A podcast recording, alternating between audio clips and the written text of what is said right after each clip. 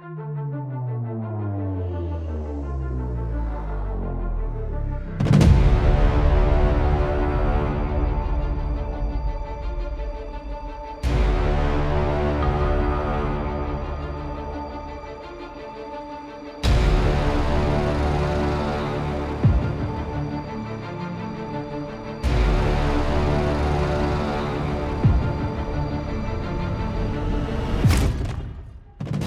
Cześć, witam na moim kanale. Ja mam na imię Piotrek i zapraszam Cię serdecznie do odsłuchania jednego z odcinków mojej audycji pod tytułem Stenogramy zbrodni.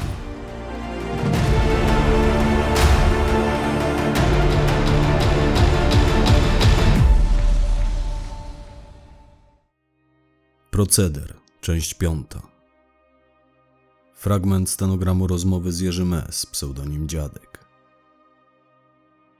Pani wybaczy, że dawno się nie spotykaliśmy, ale to nie do końca moja wina. Dali mi w którąś tam sobotę michę z robalami. Oczywiście, jak tylko to zobaczyłem, natychmiast w żyłach mi zawrzało. Rzuciłem to michą w klawisza.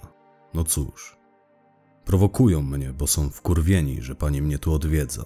Boją się pewnie kmioty, że opowiem pani o kilku ich uczynkach i pojawi się to w pani książce, że świat się o tym dowie. A byłoby o czym mówić. Oni drżą o własne dubska, strachają się, że prawda o tym miejscu ujrzy światło dzienne, w związku z czym mogliby stracić wymarzoną pracę. I w związku z tym spodziewam się, że prędzej czy później nasze widzenia mogą zostać zupełnie wstrzymane. Dlatego powinniśmy się spieszyć. Miałem w zeszłym tygodniu spotkanie z szefem oddziału. Pytał mnie o czym rozmawiamy. Zresztą nie pierwszy raz. Mówię do niego: spokojnie, nie gadamy o was. Kogo zresztą interesowałby ten przybytek, czy żywot takich złomasów jak wy? Wkurwił się, ale raczej mi nie uwierzył. Chłopaki z oddziału też oczywiście pytają, co tu się odstawia. No i o panią pytają. Chcieli wiedzieć, czy z nimi też planuje pani porozmawiać. Powiedziałem co i jak, ale nie dali mi wiary. Wszyscy tu myślą, że pisze pani książkę o tym miejscu. Wielu chciałoby wtrącić swoje trzy grosze, a wielu pewnie zapaść się pod ziemię. A wracając do mojej rozmowy z szefem, jeśli on mi nie uwierzył, a jestem pewien, że te półgłówki w mundurach cały czas łażą tam do niego i żalą mu się na te nasze widzenia, to on może w każdym momencie je wstrzymać. Mogą też posunąć się do czegoś więcej. Ja się ich nie boję, umiem sobie z nimi radzić. Wiedzą, kim jestem i raczej mnie nie ruszą. Obawiam się natomiast, że mogą próbować wpłynąć na panią, żeby to pani dała sobie siana. Powinna pani zachowywać daleko idącą ostrożność. To tylko taka mała rada ode mnie.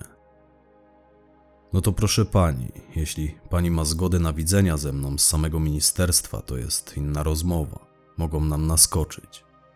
Uspokoiła mnie pani trochę, natomiast mówię, niech pani lepiej uważa na siebie.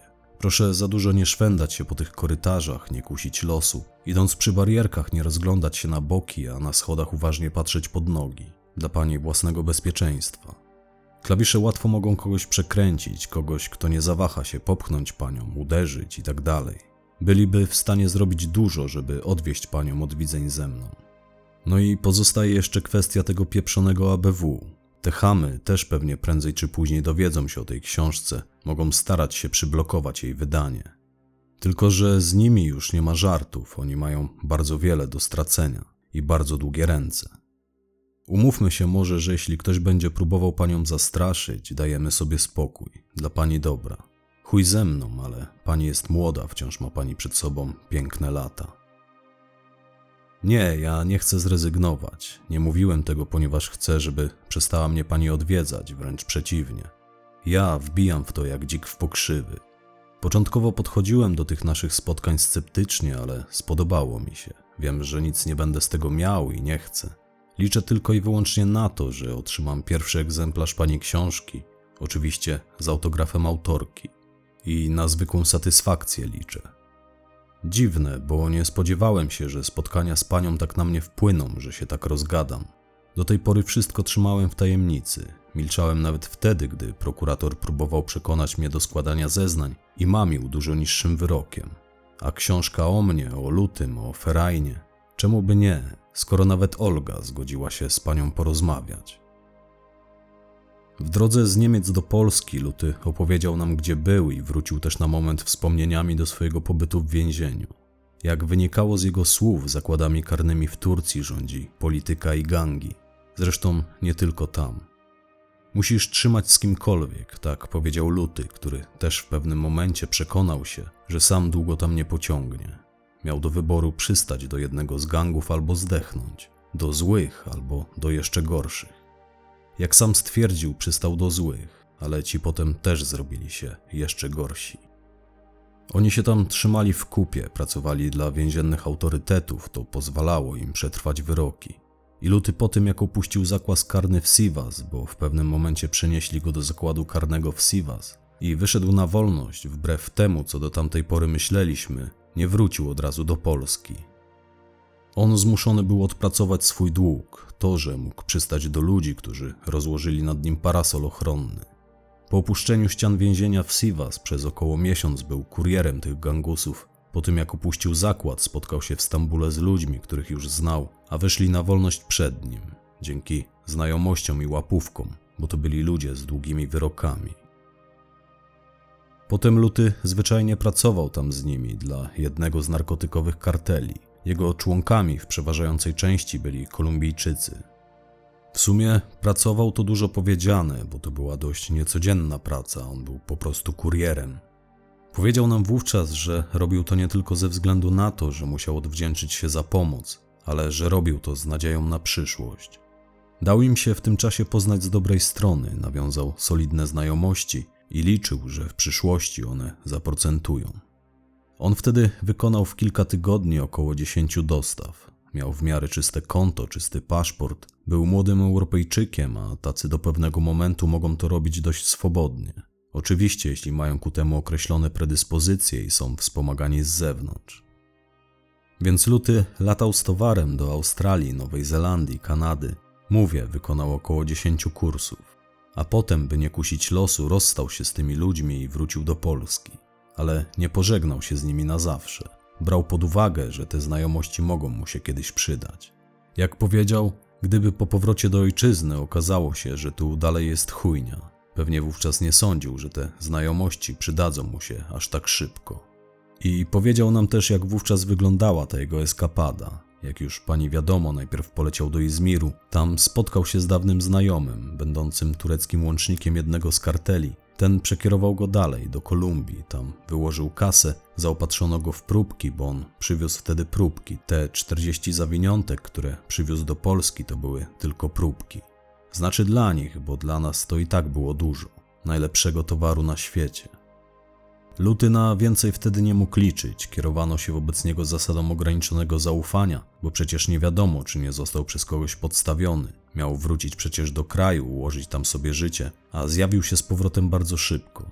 On nie miał zresztą pieniędzy na więcej. Jak stwierdził to, co wtedy przywiózł, to i tak była tylko mniej więcej połowa tego, co mógł przyjąć jego żołądek. Zwykle jednorazowo przemyca się tego dużo więcej. Pożyczył wtedy trochę kasy od Olgi z tych pieniędzy, które odzyskał dla jej syna. Oczywiście nie powiedział jej, na co zamierza je przeznaczyć, z wiadomych względów. Aczkolwiek w dużej mierze wszystko, co potem z tego miał, przeznaczał właśnie na nią. I ona nie zadawała pytań. Kobiety tak mają, wolą nie wiedzieć, mimo że się domyślają. A Olga była bardzo domyślna, to jest bardzo inteligentna kobieta. Z Kolumbii, dokładnie to z Bogoty, Luty przywiózł to do Izmiru w bagażu. Dostał od tych Kolumbijczyków specjalnie spreparowaną walizkę. I to przeszło, jak powiedział Luty, z reguły zawsze przechodzi. Ci celnicy, którzy odprawiają podróżnych na lotnisku w Bogocie, nie wiem czy pani wie, ale ten port lotniczy dosyć przewrotnie się nazywa. On się nazywa Bogota Eldorado. Fajnie to brzmi dość wymownie, bo tam panuje istne Eldorado, więc ta cała obsługa tego lotniska, oni wszyscy pracują dla gangusów, odpowiednio wcześniej dostają cynk, że będzie przerzut, kto ma przejść kontrolę bez problemu. W sumie to dostają namiary na człowieka, na którym nie wolno im nawet zawiesić oka. Czepiają się tylko wówczas, jak kilkukrotnie okazując paszport do kontroli, każdorazowo nie włożysz do niego banknotu. Wiadomo, wszyscy chcą coś z tego mieć. Ale to tylko drobniaki, napiwki, jak nazywał to Luty. A tak w ogólnym rozrachunku to tym ludziom grozi śmierć, im oraz ich rodzinom, jeśli taki zaplanowany przerzut się nie uda, jeśli coś pójdzie na lotnisku nie tak. Więc oni współpracują z tymi kolumbijskimi kartelami. Po pierwsze sami chcą, a po drugie nie mają innego wyjścia. Tak, tam to jest przemysł. Wszyscy o tym wiedzą, każdy udaje, że jest inaczej. A z Turcji do Niemiec luty wiózł towar w żołądku, to się nazywa ładunek. Jak powiedział, to w Europie najlepszy sposób na drobny przemyt, w miarę czysty paszport i wypełniony po brzegi żołądek. Lot z Turcji do Niemiec był na tyle krótki, że ryzyko było niskie, natomiast w miarę rosnącego opóźnienia rosło też jego zaniepokojenie, bo ty cały czas siedzisz tam w tym samolocie czy w hali odlotów, masz to w sobie i tak naprawdę nigdy nie wiadomo, kiedy to się zacznie rozpuszczać. Dlatego tak bardzo śpieszyło mu się do hotelu, gdy spotkaliśmy się w hali przylotów, bo zdarzają się przypadki, gdy kurierzy umierają ze względu na przeciągającą się odprawę czy opóźniające się lądowanie. To było tak, że my, kiedy już podjęliśmy się tego, dość długo się z tym ukrywaliśmy. Oczywiście lekka fama zaraz poszła w świat, ale robiliśmy zawsze wszystko, by mieć z tym jak najkrótszy kontakt, by nikt obcy nas z tym nie skojarzył. Tamte próbki ostatecznie zawieźliśmy Darkowi. W sumie ja długo się temu opierałem, ale Luty powiedział: Już mu obiecałem. I spojrzał wtedy na mnie, dodając: No chyba, że ty wsadzisz sobie to do kieszeni, dziadkie, i rozprowadzisz.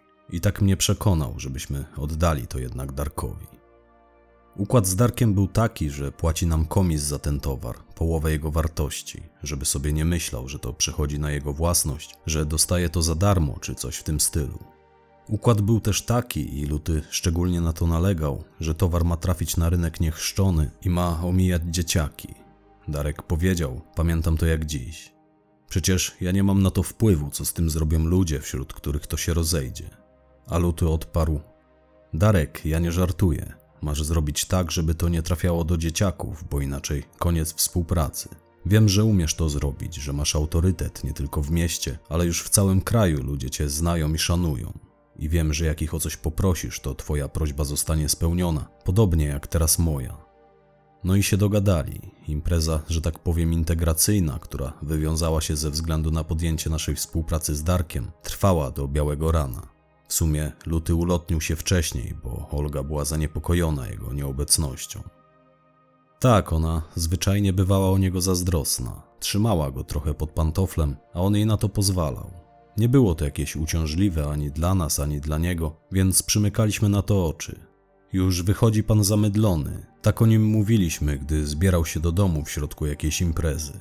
A on wychodził, pokazując nam środkowy palec. W mojej ocenie Luty zrobił to wyłącznie po to, by mieć czyste sumienie. Przecież my oddając ten towar w obce ręce, w tym samym momencie już traciliśmy wpływ na to, co dalej się z tym stanie. Aczkolwiek pilnowaliśmy tego potem. O szczegółach powiem pani później. I Darek, w którego podświetnickiej willi wtedy siedzieliśmy, w jego gabinecie, bo on miał taki elegancki gabinet upstrzony antykami, to w sumie wyglądało jak u jakiegoś kurwa Don Corleone, zresztą w niektórych kręgach na Darka tak mówiono. Don Corleone. On był wtedy naprawdę grubą rybą na Dolnym Śląsku i on wtedy podzielił to na trzy części, potem po kolei przywoływał jednego ze swoich ludzi, dawał im to do ręki. Wręczając towar jednemu z nich powiedział Jelenia Góra i tamten pokiwał głową, obrócił się na pięcie i poszedł. Drugiemu Legnica i ten zrobił tak samo trzeciemu Bolesławiec. I towar błyskawicznie się rozjechał, a nam wypłacił połowę jego wartości z góry, połowę mieliśmy otrzymać po jakimś czasie. I otrzymaliśmy, nawet dość szybko. Mówię, to był znakomity towar, na rynku panował jego deficyt, on rozszedł się błyskawicznie, rynek wchłonął go jak piasek wchłania krople deszczu. I kiedy mieliśmy już całą kwotę za ten towar w rękach, w sumie to było to jakiś tydzień później, do auta, w którym siedzieliśmy, podszedł Darka człowiek i przyniósł nam w pudełku po butach pozostałą należność. Luty rozdzielił te pieniądze między nas, podobnie zresztą jak poprzednią transzę. Powiedział: Pamiętajcie, dzielimy się porówno, teraz i zawsze. I po raz kolejny kazał nam trzymać język za zębami, ani słowem nie wspominać, co się wydarzyło, skąd mamy pieniądze, bo sporo tego było naprawdę sporo. Luty za całość zapłacił w Kolumbii około 20 razy mniej niż dostaliśmy tylko w tej drugiej transzy. Starczyło dla wszystkich i jeszcze przecież inni na tym też swoje zarobili. Układ między nami w Ferajnie od samego początku był taki, że nie pchamy się w żaden detal, by głupio nie ryzykować. I nie gonimy tego towaru ani dzieciakom, ani przygłupom, ani też byle komu, a już na pewno nie obcym. W sumie to Darek pozbawił nas takiej możliwości. Zastrzegł sobie, że tutejszy rynek zbytu należy do niego i ekip, z którymi współpracuje. Że towar jest świetny, ale jeśli będziemy chcieli gonić go sami, to on skutecznie nam to uniemożliwi, a być może też spotka nas krzywda. I zgodziliśmy się. On podjął się z nami współpracy na wyłączność, że tak powiem, ale w tamtym momencie to było najlepsze dla nas rozwiązanie.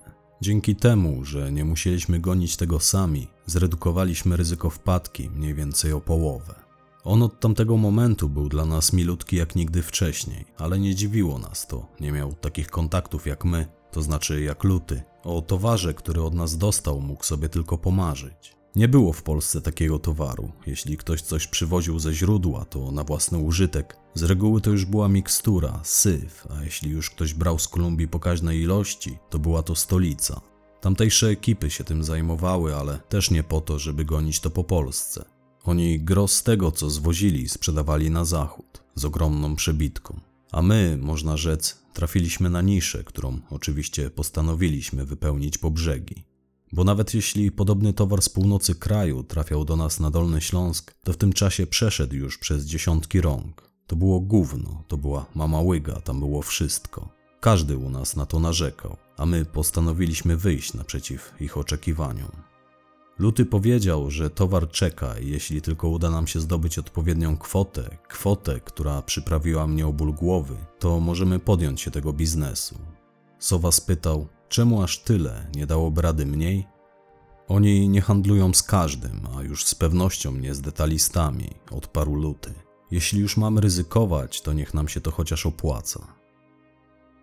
Kolejne dni mijały nam na rozmyślaniach, skąd wziąć pieniądze, by móc na poważnie wkręcić się w ten biznes.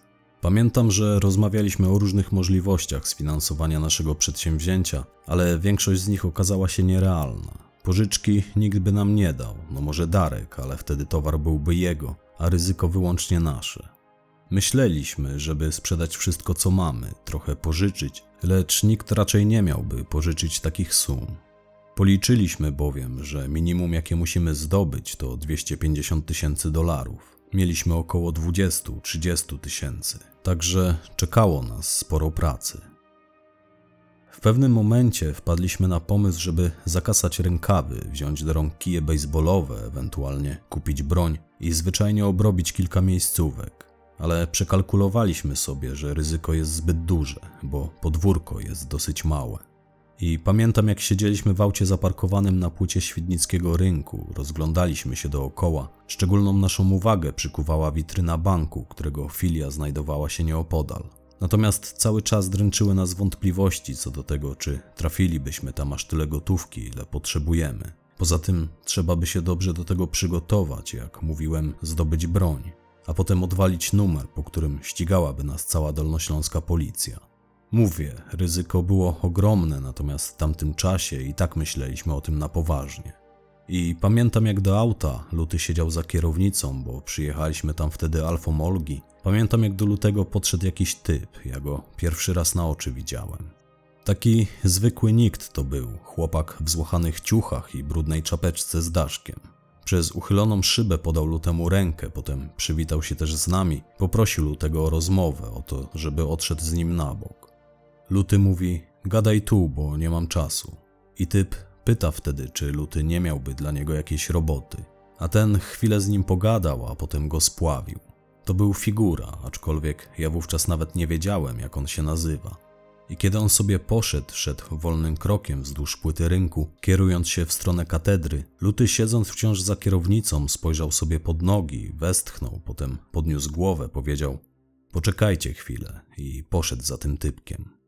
Widzieliśmy, że go woła, potem chwilę z nim rozmawiał, dłuższą chwilę. W tym czasie przysiedli na krzesełkach kawiarni. Ja z Sową cały czas im się przyglądaliśmy. Sowa spytał mnie wtedy, co Luty odpierdala, ale odparłem, że przecież wie, co robi.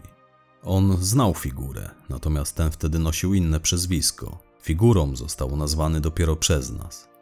Luty porozmawiał wtedy z nim, potem kolejny raz go odprawił, a ponownie spotkaliśmy się z nim już kolejnego dnia. Siedzieliśmy wtedy w mieszkaniu Sowy, w pewnym momencie zadzwonił dzwonek do jego drzwi. Sowa poprawił kucyk, bo nie wiem, czy pani mówiłem, ale Sowa nosił wówczas długie włosy, wiązał je w kucyk. I on podszedł do drzwi zerknął przez wizjer. Usłyszeliśmy, jak mamrocze pod nosem. Co do chuja? A Luty krzyczy do niego. Wpuść go, to ja go zaprosiłem. I wchodzi wtedy do mieszkania sowy figura. Zdejmuje grzecznie w korytarzu buty. Pamiętam jak dziś, że miał obie skarpetki dziurawe. Wita się z nami i siada w fotelu. Minę miał jak ruski żołnierz na komisji mobilizacyjnej. I nie wytrzymałem, pytam się Lutego, co on tu robi. A Luty wstał, wziął mnie i sowę do drugiego pokoju, mówi tam do nas. On jest nam potrzebny i to bardzo. Na pytania po jaką cholerę, bo oczywiście takie pytania zaraz padły, odpowiedział tylko: Zobaczycie. I tak figura przystąpił do naszej ekipy, aczkolwiek my długo kręciliśmy nosem, bo wiadomo, jeśli miał z nami pracować, to też trzeba było mu zapłacić, a my nie zamierzaliśmy się z nikim dzielić. Ale Luty twardo postawił na swoim. Po sprzeczce, która się wtedy zrodziła, powiedział: On od dzisiaj pracuje z nami i chuj, i skończcie temat. Mówię, długo kręciliśmy nosem na nowego w ekipie, na darmo zjada, bo za takiego go uważaliśmy, ale figura szybko wkupił się w nasze łaski, mówiąc ściśle tym, co nam wtedy powiedział. Luty w kwestii tego, co planowaliśmy, nie wtajemniczył go we wszystko, nam również zabronił to robić. Zresztą, jak się potem okazało, my też nie we wszystko byliśmy wtajemniczeni, ale o tym później. Mieliśmy przy figurze odegrać zwykłych bandziorów szukających szybkich pieniędzy i tyle. I kiedy kilka dni później zasiedliśmy już w czteroosobowym gronie do kolejnej burzy mózgów, jej tematem było oczywiście to, jak szybko zdobyć duże pieniądze. W pewnym momencie odezwał się nowy i mówi: Panowie, a co wy na to, by zrobić siwego? On w ostatnim czasie obleciał kilka hurtowni z jakąś obcą ekipą, bo jego mu się rozpadła, ale cały towar trzymał u siebie. Przynajmniej takie słuchy chodzą po peryferiach. I pytam figurę, co to było, a on odpowiedział, że to były jakieś telewizory, ogólnie elektronika, że sporo tego zalega w siwego lakierni. Średnio nam się widziało kraść umane telewizory, potem szukać na to kupców, ale Lutemu chyba spodobał się ten temat, podczas realizacji którego mógłby ponownie zagrać siwemu na nosie. Powiedział, że możemy się temu przyjrzeć i wsiedliśmy wtedy w auto, to był już wieczór, i pojechaliśmy w okolice garażu siwego. To nie było głupie, ryzyko było ograniczone, przynajmniej możliwość tego, że o tym numerze dowiedzą się psiarskie, była ograniczona do minimum. Bo wiadomo, przecież złodziej nie pójdzie na policję pożalić się, że go okradli z kradzionego. Stąd też ten pomysł wydawał nam się wszystkim całkiem niezły. Ale kiedy tam czatowaliśmy na dachu takich opuszczonych garaży za siwego chatą, szukaliśmy sposobu, jak tam do niego wejść. Słuchaliśmy figury, bo on dość długo z siwym się bujał i tłumaczył nam co i jak. Zauważyliśmy wtedy, jak panujący wokół półmrok rozcinają ostre światła reflektorów. To jakieś auto wjeżdżało do siwego na podwórze. To była spora cysterna. I Luty pyta figury, co to kurwa jest, a ten mu odpowiada, że to przyjechał siwego wujek, który prowadzi własną działalność, zajmuje się przewozami paliw, a tak naprawdę to też niezły kombinator, bo handluje olejem opałowym jako napędowym.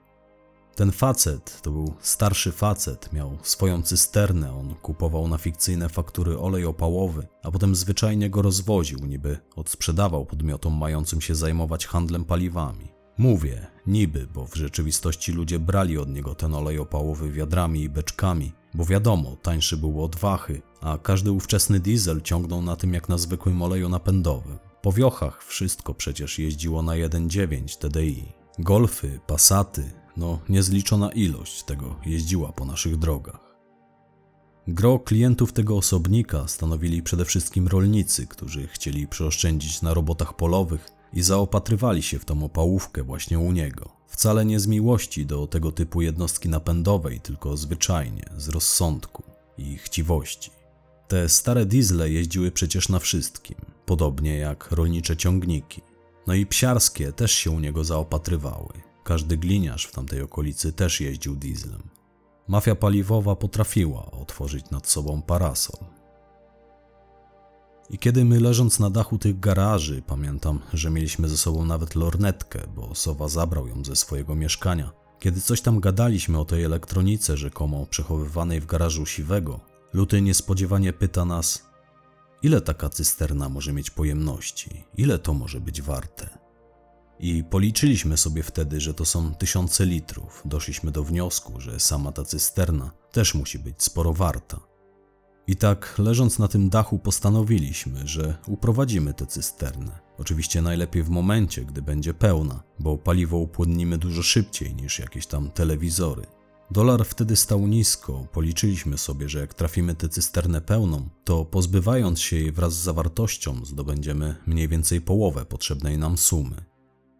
Kiedy tylko wyjechała ona z tego podwórka, zeszliśmy z tego dachu, pobiegliśmy do naszego auta i pojechaliśmy za nią. Tym sposobem dowiedzieliśmy się, że facet pochodzi z Witoszowa, trzyma cysternę przed swoim domem po drugiej stronie ulicy, na wysypanym żwirem szerokim poboczu.